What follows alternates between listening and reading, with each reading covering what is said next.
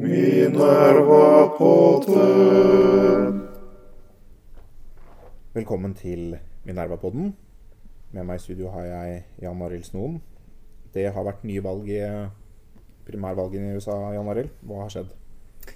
Ja, eh, på republikansk side så har jo Trump vunnet eh, fire av fem. Eh, tapte Ohio.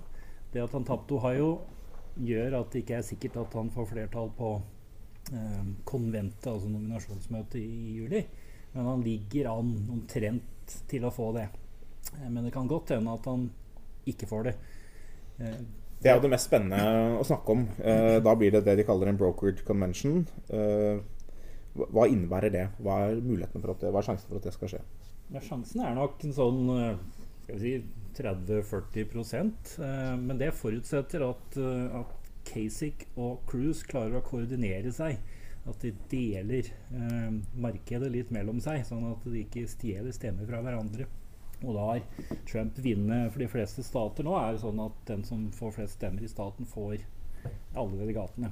Og Derfor så forutsetter en sånn koordinering som de ikke har fått til noe særlig eh, foreløpig. Men eh, hvis det skjer, da Ingen har flertall, ingen har 50% av delegatene, som er 1237, så er det formelt sett sånn at uh, Trump kan stoppes. Eh, fordi i første runde så må du ha mer enn 50% og hvis du ikke har det, så er de aller fleste delegatene fristilt og kan stemme på hvem de vil. Og da kommer dette brokered, meglet, forhandlet inn. Hva, uh, har vi noen indikasjoner om hva delegatene da vil gjøre? Har kandidatene sagt noe om hva de ønsker at deres delegater skal gjøre? Og hvilke kandidater vil da bli aktuelle? Noen har snakket om Paul Ryan, altså tidligere speaker eh, Boehner snakket i dag om at Ryan ville være et godt valg i en sånn convention. Ja, det er jo, det er jo på en måte etablissementets siste kort. da. Eh, når de har tapt alt, så skal de prøve å få inn en. Nå er jo Ryan den, eh, kanskje den eneste som har bred støtte i partiet, hvis vi ser bort fra Trump, som er en litt egen kategori. Men ellers har eh, Ryan bred støtte.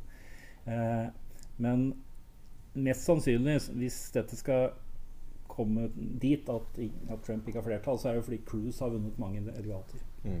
Og har altså er helt dominerende på den anti-Trump-sida. og da er det vanskelig å komme unna Cruise, tror jeg, for da blir det bråk igjen. Hvis uh, du både skal legge deg ut med Trump og med Cruise, som har vunnet nesten alle delegatene. Så jeg tror det er uh, lite sannsynlig. Men jeg har et sidebet til 500 i odds da på, på Ryan. Sats på Ryan hvis vil bli rike raskt. Det kan være, kan være lurt. Eh, Men eh, hvis man da skulle gå mot Trump, hvis han har 45% av delegatene, eller noe sånt, hvordan ville det påvirke det republikanske partiet? Ville man overleve en, eh, en slik eh, Altså, uansett så er jo nå republikanske parti i en, en voldsom skvis og, har og vil eh, miste velgere fordi eh, hvis Trump skulle få nominasjonen, så er det da en sterk eh, gruppe som sier at de aldri vil stemme på han, og også organisere seg mot han. Av de som stemte i natt, som ikke stemte på Trump, så er det 60% som sier at de eh, ville stemme på et tredjeparti. mm. Og det er ganske kraftig. Og så vet vi også at hvis Trump ikke skulle få nominasjonen Han har i dag truet, eller advart mot, at det blir opptøyer hvis han ikke blir nominert. Det kan oppfattes som en trussel også. Eh, og han vil åpenbart da ta med seg mange velgere bort hvis han ikke blir nominert. Så uansett så mister da eh, republikanere en del, og dette er det demokratene som tjener på. Hva ser du eh, for deg som fremtid for det republikanske partiet etter dette valget? Ja, det kommer jo helt an på hvordan det går. Altså, eh, et scenario er jo at, som kanskje er det mest sannsynlige, at Trump vinner nominasjonen, men taper klart og veldig klart i november mot Demokratene. Da kan dette bli en episode. Uh, altså, nå har vi prøvd dette, og nå må vi tilbake til noe mer normalt. Jeg tror kanskje jeg hørte Marco Rubio i, i natt. Jeg tror ikke han er helt ferdig med det republikanske partiet, men han posisjonerer seg for en sånn situasjon. Uh, Der de skal tilbake til noe mer normalt. Men tilbake til normalt betyr det at man uh, ikke ordentlig tar inn over seg alle grunnene til at dette har skjedd? At vi ikke egentlig får noen reform? At det, Ja, det betyr, det betyr at du ser på Trump dette som en personlig karismatisk bevegelse som er knyttet til han. Og at hvis han da har tapt, så er han ferdig. Eh, og at det ikke da lett vil komme noen andre. Eh, men eh, altså, det vil fremdeles være De må bestemme seg hva de skal mene om, om innvandringspolitikk, som alltid har vært et sår og et vanskelig problem. Og så må de også bestemme seg hva de mener om handelspolitikken, der de nå nesten alle går i proteksjonistisk retning. Så det er, en, altså, det er ikke business as usual i den forstand, men det er da tilbake til de mer normale spenningene innenfor det konservative republikanske partiet mm. før Trump, som ikke passer inn i disse skjemaene. Hvis Trump uh, ikke blir nominert, kan partiet splittes? Ja, det kommer an på hva altså Det blir jo et problem uansett i dette valget. Så kommer det an på hva Trump vil gjøre etterpå. Uh, uh, om han stiller som tredjekandidat, om han prøver å organisere en egen bevegelse. Jeg tviler på det. Det er ikke, helt, altså, det er ikke noe penger i dette. Eh, så jeg tviler på at han gjør det. Eh, men du vil jo da ha eh, en stor gruppe velgere som du må vinne tilbake. Og hvordan du da skal vinne dem tilbake samtidig som du ikke skal være veldig sær og rar og skremme bort alle i sentrum, det er jo da en, en utfordring. Så dette er et stort problem for det replikanske partiet. Men partisystemet er jo ganske er robust, å, pleier å tilpasse seg. Så, så, det kan hende de finner en vei å gjøre det på nå også. Vi skal snakke litt mer om Trump uh, etterpå, men la oss først uh, se på hva som har skjedd med demokratene. Der har Hillary hatt en veldig god natt, men mange av uh, Sanders ivrige supportere i Norge mener fortsatt det er en vei fremover. vil du helle litt kaldt vann i blodet deres? Ja, jeg vil jo det. fordi altså på demokratisk side så er det viktig å huske at de fordeler alle delegatene overalt proporsjonalt. Sånn at det er ikke sånn at du plutselig kan skyte av gårde hvis du vinner noen stater knapt og får masse delegater. Sånn er det ikke. Så dette bare akkumulerer seg. og Hillary har økt sitt forsprang eh, hele tiden. Så er det riktig at uh, de statene som har vært, er noe bedre for henne.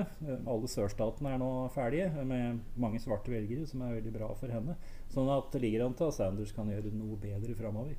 Men dette er da regna på. Eh, og, og hvis Sanders vinner alle primærvalgene så I de større statene er det stort sett primærvalg med 55-45.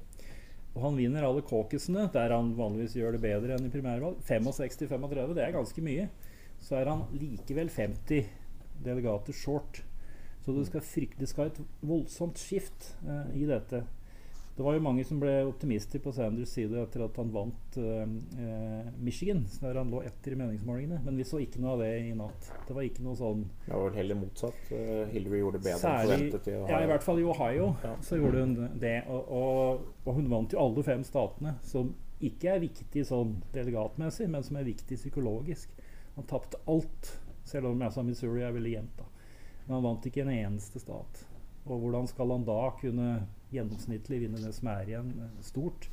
Det er, eh, det er veldig få som, er, som levner han noen sjanser mer enn skal vi si, altså 5% freak accident. Et eller annet skjer med, med Hillary. Men uh, Sanders selv har ikke gitt opp. Hva er uh, strategien hos uh, Sanders-leiren nå? Nei, jeg tror, altså For det første så er det jo litt sånn in denial som, som, er vanlig med dette. Kan si det var også sånn med Rubio nå, at han holdt på til Florida. Eh, du vil ikke gi opp før det er liksom skriften på veggen. Men det er også en, en annen grunn, og det er at uh, Sanders ønsker å sørge for at, uh, at, Hillary ikke går mot sentrum. At hun holder seg på en litt sånn moderat venstrekurs som han har bidratt til å dra henne over i. Eh, at hun ikke da skal bli en sell-out. For det er de redde for. Dette er litt av motivet bak Sanders eh, kampanje. At de stoler ikke helt på at eh, Hillary er en av dem. Bill Clinton var jo veldig sentrumsorientert. Men uh, Sanders også snakket om uh, disse superdelegatene, som uh, i dag har, eller så langt, har gått veldig klart for Hillary. Dette er altså delegater som ikke fordeles i, i valgene, men som følger som gis til folk i Det demokratiske partiet. Og han har vel et håp om å kunne lure dem over til, eh, til seg. Ja, dette, det? dette, er jo desperasjonen, fordi superdelegaten har alltid vært et spørsmål om at, at Hillary skulle liksom overstyre folkets vilje å bruke superdelegatene. Nå er det Sanders med ren desperasjon, for det er det som man har igjen. Eh, begynte frampå om at han skal bruke disse superdelegatene til å snu et, et folkelig votum til fordel for, for seg. Og det er jo veldig vanskelig da når uh, i utgangspunktet er sånn at uh, Hillary har 20 ganger så mange superdelegater som støtter henne, enn de som støtter Sanders. Det er sånn at Hvis Sanders hadde vunnet de andre, altså de vanlige delegatene, så hadde mange av superdelegatene bytta side, sånn som Obamas, uh, Obama fikk det til i 2008. Nettopp fordi det skulle reflektere folkeviljen. da. Men å, å, snu disse mot folkeviljen, det er etter min mening nesten utenkelig. Det eneste som kan gjøre det mulig, er hvis det kommer opp alvorlige sånn, etiske innvendinger mot Hillary som gjør at hun anses som ikke valgbar. At hun ville tape mot Donald Trump. Så det er en sånn en, Det er innafor denne 5 da, som er, som er hans sjanse. Men eh, hvis du ser på oddsene, så vil du heller sette penger på Paul Ryan for å få god avkastning enn på Sanders i dag? Jeg tror kanskje det, selv om Sanders eh, gis bedre sjanse, da. Men Sanders har betydelig mindre sjanse enn en, uh, Ted Cruz mm. på den siden. Vi eh, skal snakke litt mer om uh, Trumps uh, appell, som er det, det, store temaet blant forskere og, og analytikere i årets valg. Eh, hva er det egentlig som har skjedd? Du har skrevet en gjennomgang for oss på Minerva om de økonomiske forholdene som forklarer hans appell. Kan du si litt mer om det? Ja, først, Jeg har jo skrevet to artikler før også, nemlig om hans appell til um, rasisme og fremmedfiendtlighet og hans autoritære tendenser. Og Det er litt bakteppe for å snakke om dette også, fordi um, etter min mening så er det først og fremst hans appell er til nasjonalistiske velgere som frykter eh, utlendinger og ser på USA som i nedgang og truet av utlendinger, enten de er i utlandet eller de er eh, i innlandet. Og da kommer da disse sakene som er, går på innvandringspolitikk. De tar jobbene våre. Eh, handelspolitikk. De tar jobbene våre ved å utkonkurrere oss. I tillegg til, til da mer sånn eh, som ikke har med økonomi å gjøre, men som har med trusselen fra islam og muslimer og terror og sånne ting. Men det er dette trusselen fra, fra utlendinger som, som, eh, som, er, som, er, potent fordi det ikke går så bra i amerikansk økonomi. Eh, sammenlignet med Europa, ok, men over lengre tid så har det vært eh, stagnasjon og liten framgang i, i USA, så det ligger noe latent. Men mitt poeng i den artikkelen er at det er ikke noe som tilsier at, at, dette skulle skje nå. Snarere så burde det ha skjedd i 2012, når alle disse indikatorene var dårligere enn de er nå. Men det er da Trump som person som har klart å mobilisere dette ved å tappe inn i denne nasjonalistiske, eh, fremmedfiendtlige strømningen. Noe jeg har sett på som litt interessant, er at man har vi kan kalle det venstrepopulister eh, og høyrepopulister deler litt analysen av Trump. Og de har en felles tendens til å skylde på elitene som har sviktet folket. Og hos høyresiden så høres det ut som omtrent som at man har sviktet folket ved å tillate innvandring, men for så vidt også da en handelspolitikk som gagner de store selskapene Wall Street, ikke Main Street. På venstresiden begrenser man seg til det siste og snakker om uh, Wall Street, ikke Main Street, men at republikanske velgere i arbeiderklassen er blitt sviktet, og dermed er det naturlig at de måte, velger denne uh, det, å støtte en populist. Og det, jeg syns den analysen er litt interessant, eller på mange måter har, har noen store mangler. I hvert, I hvert, fall fra høyresidens perspektiv. At man eh, så lett eh, aksepterer ekstremisme som en forklaring på relativt milde økonomiske trender. Det er som du sier, altså, det er bedre nå enn det var for fire år siden. Eh, de fleste gruppene i USA har fått det bedre over tid, selv om det har mm. vært en, en viss stagnasjon.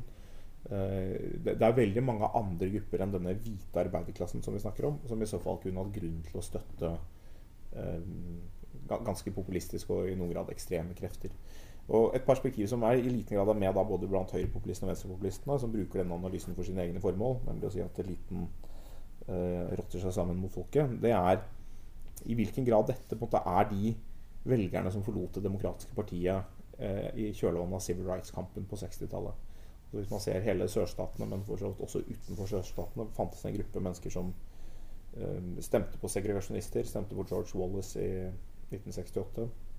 Og som aldri kom tilbake til, det republikanske, til demokratene, med litt unntak kanskje for uh, Paradoksalt nok for, for uh, Carter i 76, som hadde vært guvernør i Georgia og hadde spilt det rasekortet litt som det passet ham. gjennom sin politiske karriere. Men de, har, de, har, de, følte at de mistet landet sitt da. Hva tenker du om en sånn analyse? Jo, jeg, jeg tror du kan helt klart trekke noen linjer tilbake både til det og til da, de såkalte Reagan Democrats, med mye av det samme da, på, på 80-tallet. At han appellerte også til da, eh, arbeiderklasse som var nasjonalistiske, og, og, som også følte en sånn økonomisk sk skvis. Um, så det, det, er noen, noen, lange linjer i dette. Men, men potensialet for mange flere velgere er jo ikke så veldig stort her, for disse er allerede i stor grad uh, på republikansk side, særlig da i sørstatene, som har blitt eh, nesten totalt dominert av, republikanerne. Mens det da er mulig å, å få litt mer innpass da i, i, i rustbeltet, eh, i industristatene, som, eh, som, som, fremdeles har en del demokratiske velgere som, som har litt av disse eh, holdningene. Um, er det altså Hvor mye det er en relativt liten gruppe av, av replikanske velgere som, som, kan plasseres i en klar sånn rasistisk eh, klasse.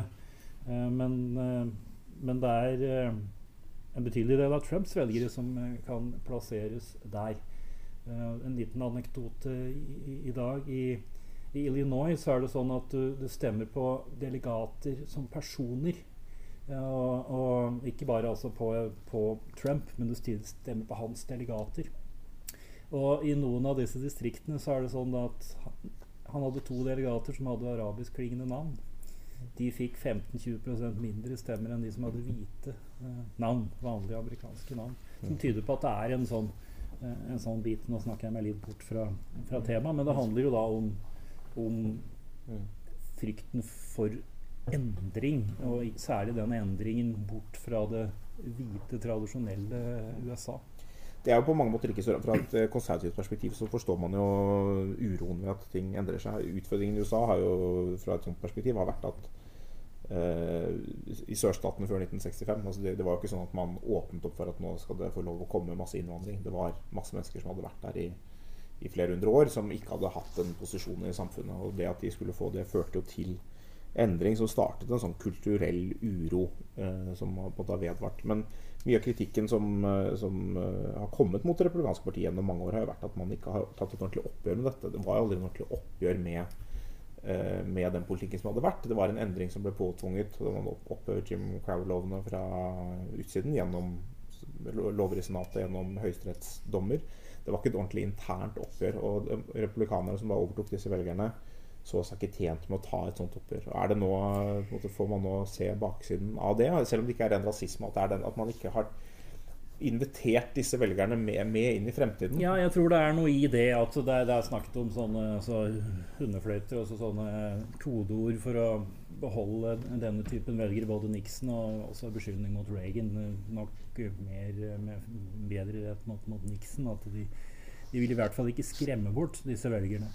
Men eh, jeg mener at de siste årene så har det vært, i hvert fall i store deler av det republikanske partiet, en, et, et, ønske om å gjøre noe med dette. Jeg var selv på konventet i Tampa i 2012. Mm. Og der var det påtagelig hvor, hvor ivrig de var etter å, å uh, fremme og vise fram eh, politikere som, som, er svarte eller hispanic, og som, som, snakker om ikke så mye da om rasespørsmål i seg selv, men men som er da normalisert og en del av det store USA. Få bort dette hvite stempelet. Eh, men i år så har vi også sett at de som da er mest opptatt av det, altså Marco Rubio f.eks., ikke da har hatt gjennomslag. Mens de som da ikke bare har brukt uh, hundefløyter, men sagt ting rett ut, eller si det, sier det som det er, som, som de kaller det, har mobilisert og, og, røsket opp dette her igjen. Så det har, mm. det har ligget der, og så nå har vi fått det opp i dagen igjen. Og jeg må jo innrømme at det har vært uh, kraftigere og mer potent enn jeg trodde. Mm. Altså, vi ser jo, Det er jo uro i mange vestlige land knyttet til migrasjon. forståelig, det som har økt over tid. Og det er nye utfordringer med, med islamsk fundamentalisme og terror, som for så vidt har pågått en tid, men som i hvert fall ikke har minsket eh, vesentlig. Eh, men eh, når vi ser disse fenomenene i Europa, det slår meg bare at vi vi snakker om denne avindustrialiseringen. Eh, så ser vi ikke nødvendigvis akkurat de samme effektene i Europa, men i Europa har vi stort sett flerpartisystemer. Og mange av disse velgerne som har havnet utenfor moderne, det moderne samfunnet i stor, i en viss forstand. Da. Altså at Man har ikke blitt med inn i den moderne økonomien. I noen grad så er man fortsatt i gammeldags industri. Noen ganger har man blitt utkonkurrert. Eh, og så, man, så opplever man at de gamle arbeiderpartiene ikke lenger er tilpasset. Og det handler jo ikke bare om eh, migrasjon og den type spørsmål, men det handler om at man ikke ordentlig kommer inn i et moderne samfunn eller inn i den moderne økonomien. Er det eh, Hvordan skal vi løse det fremover? Ja, for det første så er det jo åpenbart at uh, det er veldig stor overlapp mellom uh, det som skjer i Europa med, med høyrepopulistiske partier og, og, Trump. Men hvordan vi skal løse det, ja, men da må vi ha en helt ny podkast for å snakke om det. fordi dette har vi jo slitt med, med, med, med, lenge nå. men, og særlig fordi Altså Én ting er den avindustrialiseringen som vi har hatt. og Jeg viser i min artikkel at dette er ikke noe nytt. Dette er 60 års eh, trend i, i, mm. USA som faktisk har liksom snudd litt opp de siste årene. Får vi se om det er tilfeldig.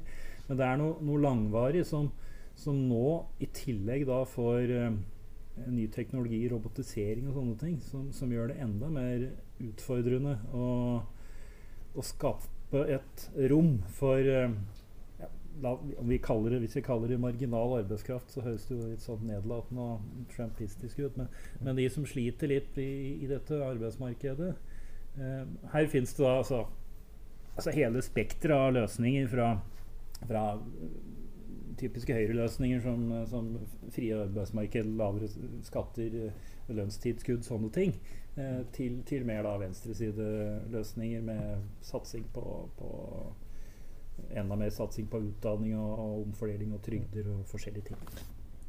Og alt dette kan du kanskje få høre mer om i en ny podkast senere. Det var det vi rakk for i dag. Takk for at du hørte på, og god påske. Minerva Potter.